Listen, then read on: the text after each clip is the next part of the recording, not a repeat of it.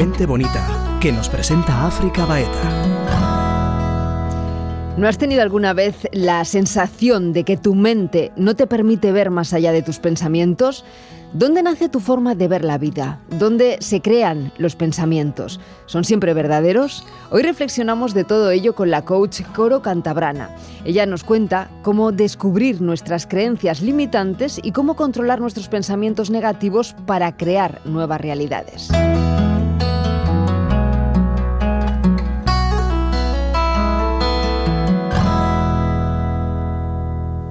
¿Quién es Coro? Bueno, yo creo que una vividora. Soy muy curiosa y yo creo que es una, soy una apasionada de la vida. En ti hay esa espinita de buscadora que, que, busca darle sentido a la vida, ¿no? Por un lado busca eso y por otro lado me gustan las personas. Cuando yo era reportera, yo hacía muchos reportajes pues de, de situaciones no muy agradables, ¿no? Nos toca vivir reportajes en África, en Brasil, en Ecuador, cárceles. Bueno, y, y veía a muchas más personas, hablaba con las personas y bueno, me, hacía muchísimas preguntas, ¿no? Porque algunos parece que tienen una estrella en el camino, otros parece que nacemos o nacen estrellados. Y entonces decía, bueno, ¿esto por qué? empecé a darle muchas vueltas a, entender cómo pensábamos y cómo llegamos a eso, cómo llegamos a, a, vivir diferentes situaciones, cómo pensamos. A mí me encanta mucho ver cómo pensamos, cómo son nuestras creencias que nos llevan a decir sí a unas cosas y a decir no a otras cómo pensamos, pero también depende de, como decía Pau Donés, ¿no? Eh, en, qué lado del mundo hayas nacido. Depende mucho en qué, lado en qué lado del mundo hayas nacido para ver tu realidad. Sin embargo, es tu carácter, es cómo, cómo quieres ver el mundo, porque yo estaba en África que pensamos que pueden estar muy mal. Había una alegría tremenda. Yo estaba allí con ellos compartiendo, que compartían todo todo y no tenían casi nada. Y no es que no es lo que veas alrededor, sino cómo te sientes tú con, con la situación que estás viviendo. Y todos sabemos que ante la misma situación algunos se lo toman muy mal y otros son fuertes, salen adelante, se lo toman bien, son optimistas, positivos. ¿Por qué algunos eh, son felices ante la vida? ¿Por qué otros se complican con pensamientos negativos?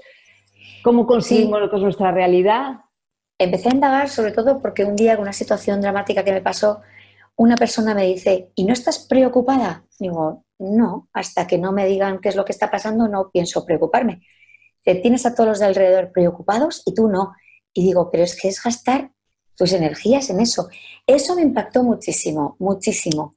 Bueno, he llegado a la conclusión de que tenemos las herramientas en nuestra mano, de que tenemos la posibilidad de pensar como nos dé la gana. Lo que pasa es que no nos han enseñado a pensar como nos dé la gana. Entonces, hemos visto patrones, los hemos copiado y, no hemos podido tener esas herramientas para decir, yo no quiero pensar de forma negativa o de forma pesimista. Y podemos cambiar. Yo con los clientes, tú sabes que llevo 20 años en el mundo del coaching, eh, les, enseño cómo, les doy herramientas y empiezan a cambiar. Y cuando la gente empieza a ver que tiene las, riendas de su vida, que puede pensar como quiera, que ante una situación que es difícil, dice, pues no lo voy a pasar mal y no lo pasa mal, eso es grande y he llegado a esa conclusión que tenemos las herramientas nosotros, no las herramientas, la, la posibilidad de cambiar, que a veces no tenemos las herramientas para hacerlo, pero que tenemos la posibilidad. ¿Qué para ti la felicidad, Coro? Cuando te sientes bien, cuando estás en tu centro, cuando eres tú, lo demás fluye. O sea, te sientes bien contigo y cualquier cosa que pasa, estás bien, estás en tu centro. Y saber que el 90% de lo que estás viviendo es lo que tú decides cómo tomártelo y el 10% es lo que sucede, te da el valor de decir, yo quiero tomarme la vida mejor, yo quiero decidir por mí misma. Sé que tengo la posibilidad de decir sí a esto o no a esto, pero sobre todo desde, yo suelo decir desde el centro. Si tú estás en tu centro, por mucho que te menes, tú sigues así. Si estás apoyado hacia algo, si te lo quitan, te caes, o hacia alguien. O si quieres que alguien te, te sujete, ¿no? Y te echas hacia atrás para que, para que te sujete, no estás en tu centro. Yo suelo decir que si no eres tú, cuando viene la oportunidad y llama a tu puerta, tú no estás en casa, no estás siendo tú, no estás siendo tú. Con lo cual yo creo que lo más importante es estar bien con, con una misma. yo, yo, soy de las que pienso que, de las que piensa que la felicidad es innata en nosotros, ¿no? Y que la interrumpimos con, con la mente, con los pensamientos con las creencias limitantes, con los valores que muchas veces llevamos tatuados a fuego dentro y que no sabemos ni manejarlos. Todos vemos desde el personaje.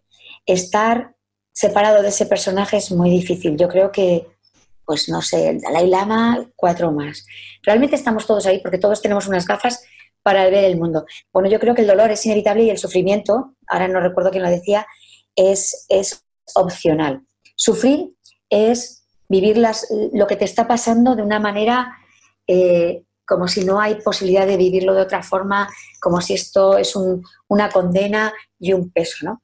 Eh, ¿Qué le diría a cualquier persona? ¿Qué me diría a mí? Eh, el otro día decía, no, me gusta, bueno, una frase, me han oído dos frases a la vez, así que te digo una. Una frase es la del Hotel Marriott, ¿no? No, sé si saberla, a ver, ahora se me ha ido, me viene la otra otra vez. El Hotel Marriott decía, todo acaba siempre bien. Y si no está bien, y si no acaba bien, es que no es el final, ¿no?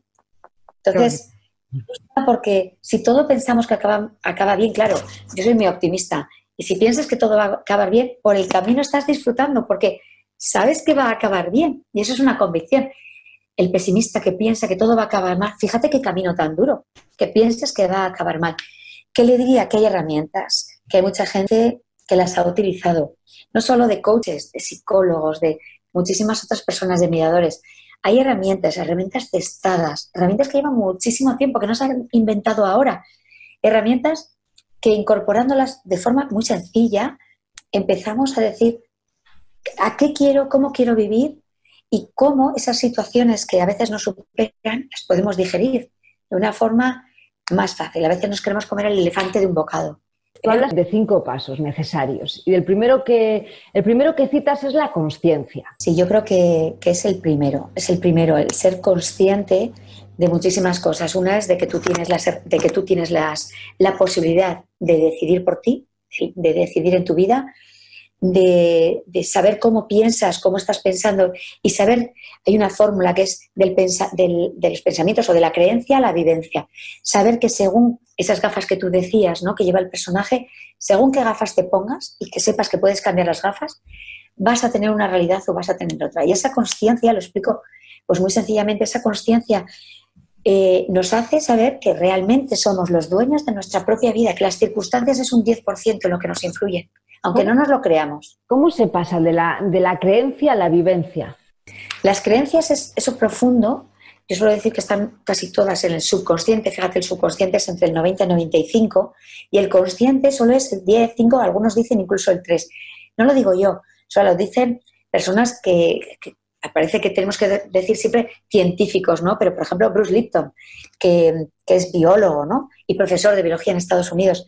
Tenemos una parte consciente, el resto es subconsciente, con lo cual, siempre que vamos a decidir, algo, es nuestro subconsciente el que está ahí maquinando y nos hace mirar para aquí o mirar para allá. De esas creencias pasamos a los pensamientos superficiales. Según cómo pensamos, nos sentimos. Si yo pienso que esto me va a ir mal, me siento mal. Si pienso que va a ir bien, me siento bien. O sea, el pensamiento pasa a la emoción. La emoción, según cómo me siento, voy a hacer una cosa o voy a hacer otra. Y de la emoción y de la acción, según lo que haga, pasa al resultado. Es decir, todo está hilado. Según cómo creo, si yo me creo poca cosa, voy a actuar como poca cosa, voy a decidir hacer poca cosa y el resultado va a ser de poca cosa. Si yo creo que tengo todo el derecho a hacer algo, voy a sentirme bien, no me voy a sentir aplastada, sino con ganas de hacerlo bien y el resultado va a ser otro.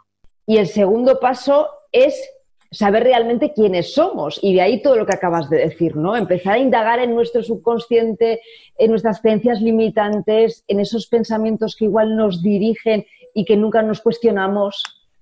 Exacto. En el primer paso, en la conciencia, explico cómo funcionamos.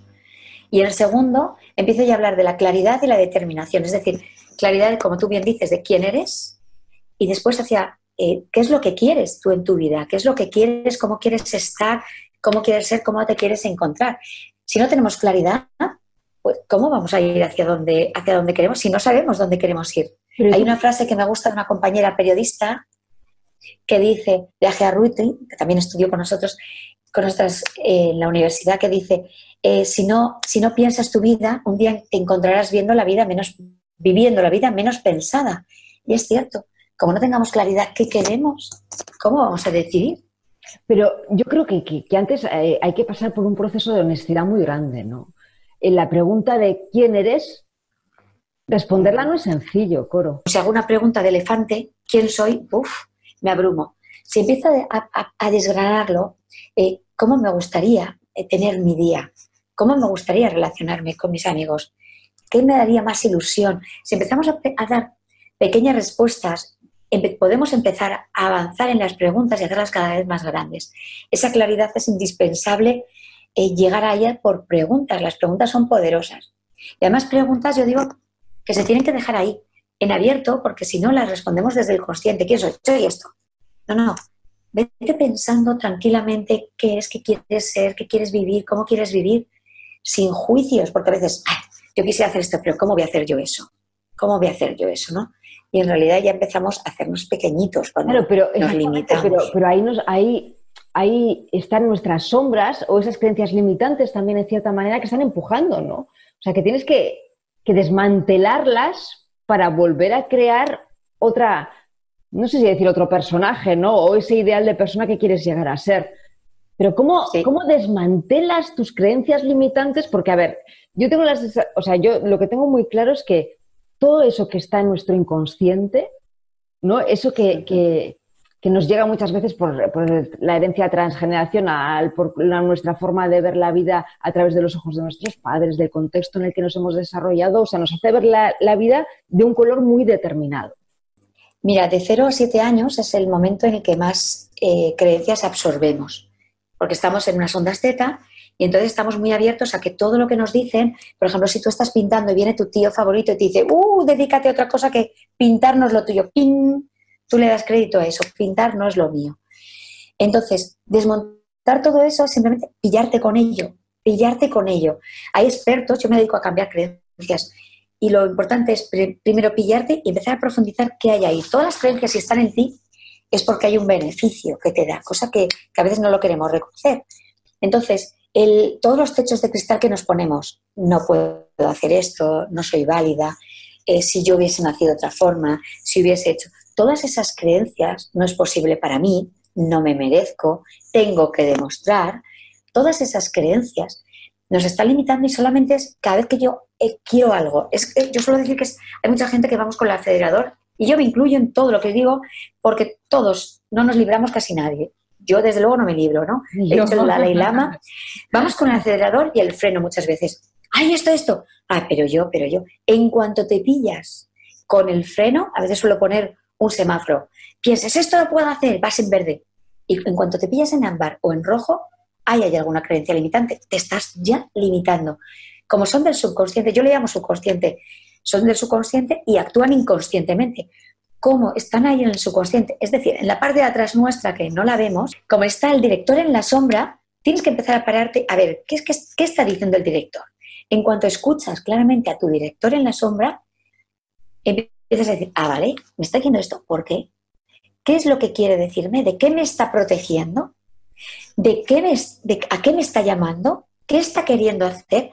Y en cuanto empiezas a descubrir eso, en cuanto empiezas a descubrir, empiezas a ver cómo realmente piensas. Pues esto me está defendiendo, ay, es que me da miedo que igual hago el ridículo. Vale, yo tengo miedo del ridículo. ¿Qué hay detrás del miedo del ridículo? sentirme juzgado. ¿Vale? ¿Qué hay detrás del miedo a sentirme juzgado? Estoy haciendo una hipótesis, ¿eh? se puede ir por muchas vías, pero puede ser, pues que igual no me quieren o igual no me aprueban y yo necesito ser aprobada. Ah, necesito ser aprobada, ¿por qué? Porque si no, no me querrán. Ah, y si no me quieren, ¿qué pasa? Ay, pues que me sentiré sola. Es una de las vías, cada uno llega a una vía, como los cuentos estos, que dices, elige A, B o C. Y si vas la A, vas a la página 17. Y vas a la página 17, lees otra cosa y elige respuesta A, B o C. Y si vas a la C, vete a la página 32. Es lo mismo. Vamos desgranando y cuando encuentras todo, estás, estás entrando ahí en todo lo que te está condicionando, porque normalmente las creencias limitantes son, no son racionales, no tienen ningún sentido. Eh, dices, es que esto yo no puedo, yo no puedo esto. ¿Quién te ha dicho a ti que no puedes? ¿Cuántas veces nos dicen los demás, ¿cómo que no? ¿Pero por qué te limitas? Y lo ven los demás y nosotros no. Entonces, son esas creencias que nos ponemos a nosotros mismos de que no va, a ser posible. Tengo, las mujeres tenemos también, igual que los hombres, tenemos muchos, la de tengo que demostrar que soy buena persona, tengo que sufrir por los demás, tengo que darlo todo.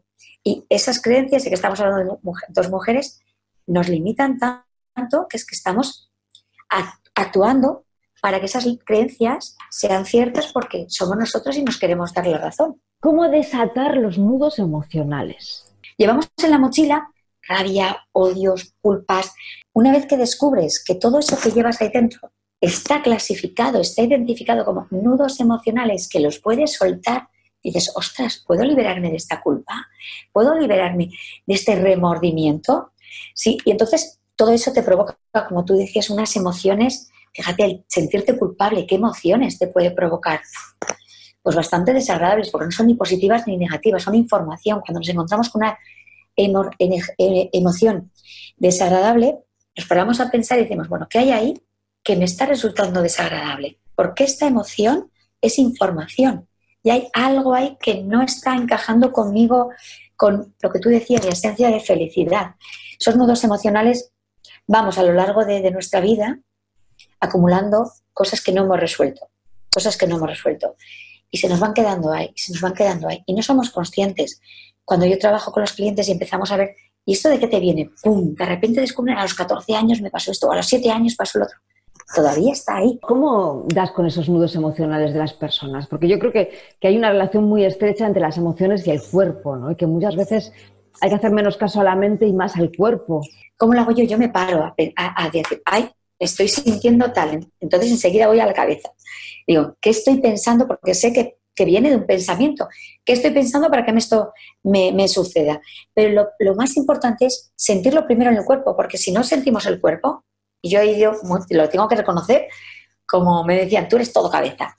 Y, y empecé a pararme a ver dónde siento, cómo siento, cómo me siento, lo cual es empezar a descubrir otra cosa, ¿no? Y, entonces dices, uy, pues tengo un nudo en el estómago, ¿vale? Y en lugar de criticarnos, poner ahí la curiosidad, ¿vale? Tengo un nudo en el estómago. ¿Por qué? ¿Qué ha pasado? ¿Qué he visto? ¿Qué siento? ¿Qué tal? Y empezar a descubrir.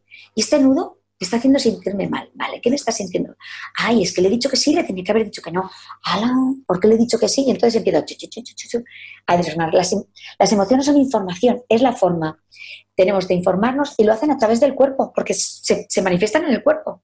Se manifiestan en el cuerpo. Pero lo que es maravilloso es que cuando te empiezan esas, yo, en mi experiencia, ¿no? Esas voces que te empiezan a, a decir, pues te duele eh, la tripa por esto, por esto, por esto, por esto, es como no, bajo el volumen de mis propios argumentos, me centro hasta el fondo en el, dolor o en lo que estás sintiendo y de repente fluye la información y te das cuenta de que, de que igual viene de una emoción y, viene al hilo de lo que has dicho antes, de, cuando tenía 14 años que sentí una determinada cosa y se repite el patrón y se repite el patrón y se repite el patrón. Entonces, lo, curioso es cómo te llega solo, ¿no? Esa información de, que está en tu inconsciente. Y esas bases no las hemos construido. O sea, no hemos sido conscientes de cómo han ido permeabilizando nosotros eh, todas esas creencias culturales de familia. Yo he descubierto un montón de creencias familiares. Mira, el otro día, como te digo, estoy en unos cuantos cursos, ¿no? Y había una Marisa Pierce, que, es, que hace hipnosis y está, es un curso para aprender a descubrir cómo, cómo pensamos también, ¿no? Siempre estoy con, con este tema. decía, fíjate, con el respecto al dinero, incluso cuando de pequeño alguien te dice, compártele esto a este juguete a este niño que no tiene nada, ya empiezas a generar unos pensamientos de soy egoísta si no doy lo que tengo. Entonces empiezo a compartirlo todo por sistema. ¿Por qué? Quiero ser una buena persona, no retengo. ¿Qué pasa? Que mamamos lo que nuestros padres han vivido. Y han vivido en un momento, ¿no? Yo recuerdo cuando era pequeña, pues a mí me daban ropa, yo no tenía ropa. Y para mis padres era un momento dado en el que habían montado un negocio, tenían que ahorrar, estaban invirtiendo, pero para mí fue todos mis primeros siete años. Eso es lo que yo mamé como normal. Para mis padres no era normal, era un periodo. Entonces, yo, yo crecí con unas creencias que en ese momento mis padres era lo que estaban viviendo de unos siete años. Si yo tengo que cambiar esas creencias porque no quiero estar pensando no sé, la culpa, por ejemplo, que te decías tú, me siento culpable, imagínate, si yo he vivido que me dan ropa, yo me siento culpable si compro una cosa nueva. Cambiar todo eso, tienes que trabajar un montón porque está muy profundo, porque han sido tus bases, tus raíces.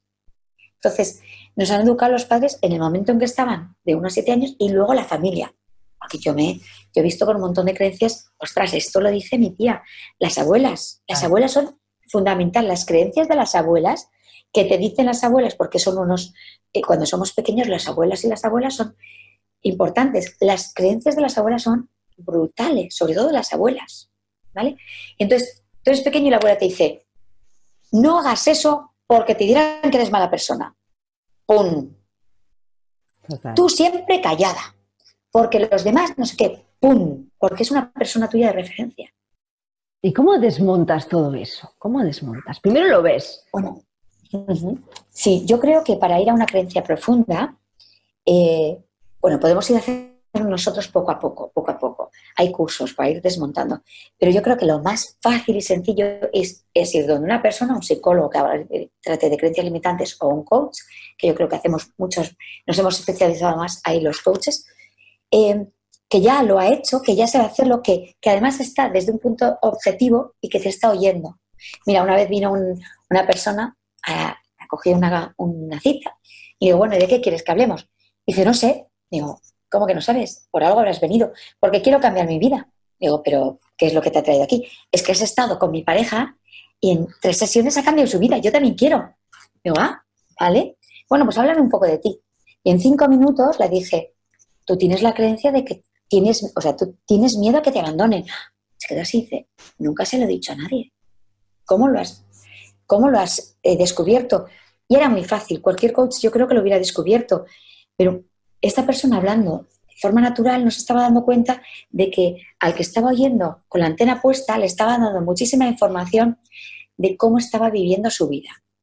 Y simplemente con una persona que esté, eh, todos hemos querido tener esa persona que cuando estamos mal le llamemos, no nos juzgue, nos ayude a, no nos dé consejos y encima nos ayude a resolver esa maraña que tenemos. Pues eso es un coach o un psicólogo. Y la persona en cuanto descubre esa creencia profunda, como es, como es irracional, como no tiene ningún sentido que yo me crea menos que otras, por ejemplo, se cambia muy fácil. Y la, maravilla es que eh, las personas eh, descubran su propia perla, ¿no? O sea, tú les vas haciendo preguntas, les guías hasta que ellos descubren la respuesta, porque las respuestas están dentro de uno mismo, tú no se la puedes dar, la tiene que descubrir cada uno. Claro, ¿quién soy yo para decirle a nadie sus respuestas y para decirle a nadie quién, qué tiene que hacer? Yo le hago preguntas, ese es el potencial de los coaches, la fuerza de los coaches, hacer preguntas poderosas. Pero hay una cosa de, que, de la que no hemos hablado, pero antes de terminar sí que me gustaría que lo habláramos, sobre el miedo. Mira, todos decidimos todos decidimos por dos, por dos motivos. Lo que nos acerca al placer o lo que nos aleja del dolor. Todos. O sea, si yo estoy, si tienes, si estás con una pareja y, y estás mal y no lo dejas, es porque tienes más miedo a lo que te va a pasar porque piensas que es peor que lo que ya estás viviendo. Porque si hay algo que, que, te da más placer, vas a ir por ello. O sea, decidimos lo que nos acerca al placer o lo que nos aleja del dolor. Y el miedo es la, bueno, hay miedos que nos, que nos protegen, está claro. Vamos a, esos miedos lo tenemos muy claro, son esos miedos irracionales que nos hacen decidir, ¿no? Esos miedos es la anticipación, el miedo es la anticipación de un resultado negativo. Es decir, esperas que algo negativo te vaya a pasar a ti o a los que quieres. Eso es el miedo. Porque el miedo es a que me va a pasar algo negativo. Porque si no pensaras que te va a pasar algo negativo, no tendrías miedo. No sé si me explico. Sí, sí, totalmente. Entonces, el miedo, si te das cuenta de que piensas que algo negativo te va a pasar, desglósalo. Dices, a ver, ¿por qué creo yo esto? ¿Tiene fundamento? A veces, decía, creo que era Mark Twain, ¿no? Hemos vivido más sufrimiento y más miedos de lo que realmente ha pasado. Es decir, empezamos a preocuparnos en lugar de ocuparnos de esto puede pasar, ¡Ah! qué miedo si esto pasa, en lugar de decir, bueno, esto puede pasar, ¿vale? ¿Qué voy a hacer yo para que no ocurra esta situación? ¿Es, posible esta situación? Sí, es posible. ¿Es probable? Que a veces lo mezclamos. No es probable que pase. Entonces, ¿qué ando teniendo miedo? A veces es, el miedo nos lleva a pensar en una situación de un 2% de probabilidad y no nos fijamos en el 98% que no es probable que pase eso, ¿no? Entonces, el miedo lo podemos eh, romper, romper analizándolo, porque suelen ser irracionales, suelen ser irracionales. Mira, te voy a contar una cosa. Yo, como muchísimas, eh, las arañas, pues bueno, pues no son mis grandes amigas. Pero yo estaba empezando en el mundo del coaching y lo de los miedos que les transmitimos a nuestros hijos, pero los miedos no solo a los animales. El miedo, por ejemplo, mira, uno, un, un empresario de Navarra me decía, yo sé cómo ha sido la madre de cada uno por cómo se comporta. Si hay alguien que se lanza, su madre ha sido, venga, dale, y esto se ve en los, en los columpios, por ejemplo, ¿no? Cuando, ay, ¿me puedo subir? No, no, que te vas a caer. Ese no va a ser emprendedor. porque va a tener miedo a caerse en cualquier cosa que haga, incluso en una empresa. Entonces estábamos en un, en un, no sé qué era, había reptiles, había, no sé qué era, y había arañas, y había una araña gorda así. Y mira, ma, qué bonito, qué bonito, yo estaba mala. Y yo estaba diciendo, vale, pero no les tengo que transmitir el miedo. Y yo haciendo de tripas corazón y diciendo, pero que es una araña, que si tiene más miedo ella que yo. Ay, sí, qué bonito, qué bonita, acércate. Y yo acercándome, acercándome. Y, y fíjate, tócate. No, no, no, que me lavo las manos, que me lavo las manos, no la voy a tocar. Y mis hijos, la primera, el primer contacto con una araña grandota, lo vivieron como algo natural. Estábamos con una amiga y sus dos hijas. Y entonces llegaron ellos. Estaban en otro sitio. Y vienen ellos. ¡Ay, qué asco la araña! No sé qué. Empezaron así. Y las que ¡ah! Y le pregunté después, ¿habéis visto alguna araña? No, pero a mí me da mucho asco. Fíjate, lo comprobé allí como un miedo que era muy fácil de, gestionar. Solamente tienes que decir, vale, está ahí, tranquila, no va a pasar nada. Se la sacamos, la quieren tocar. No, no, que me lavo las manos.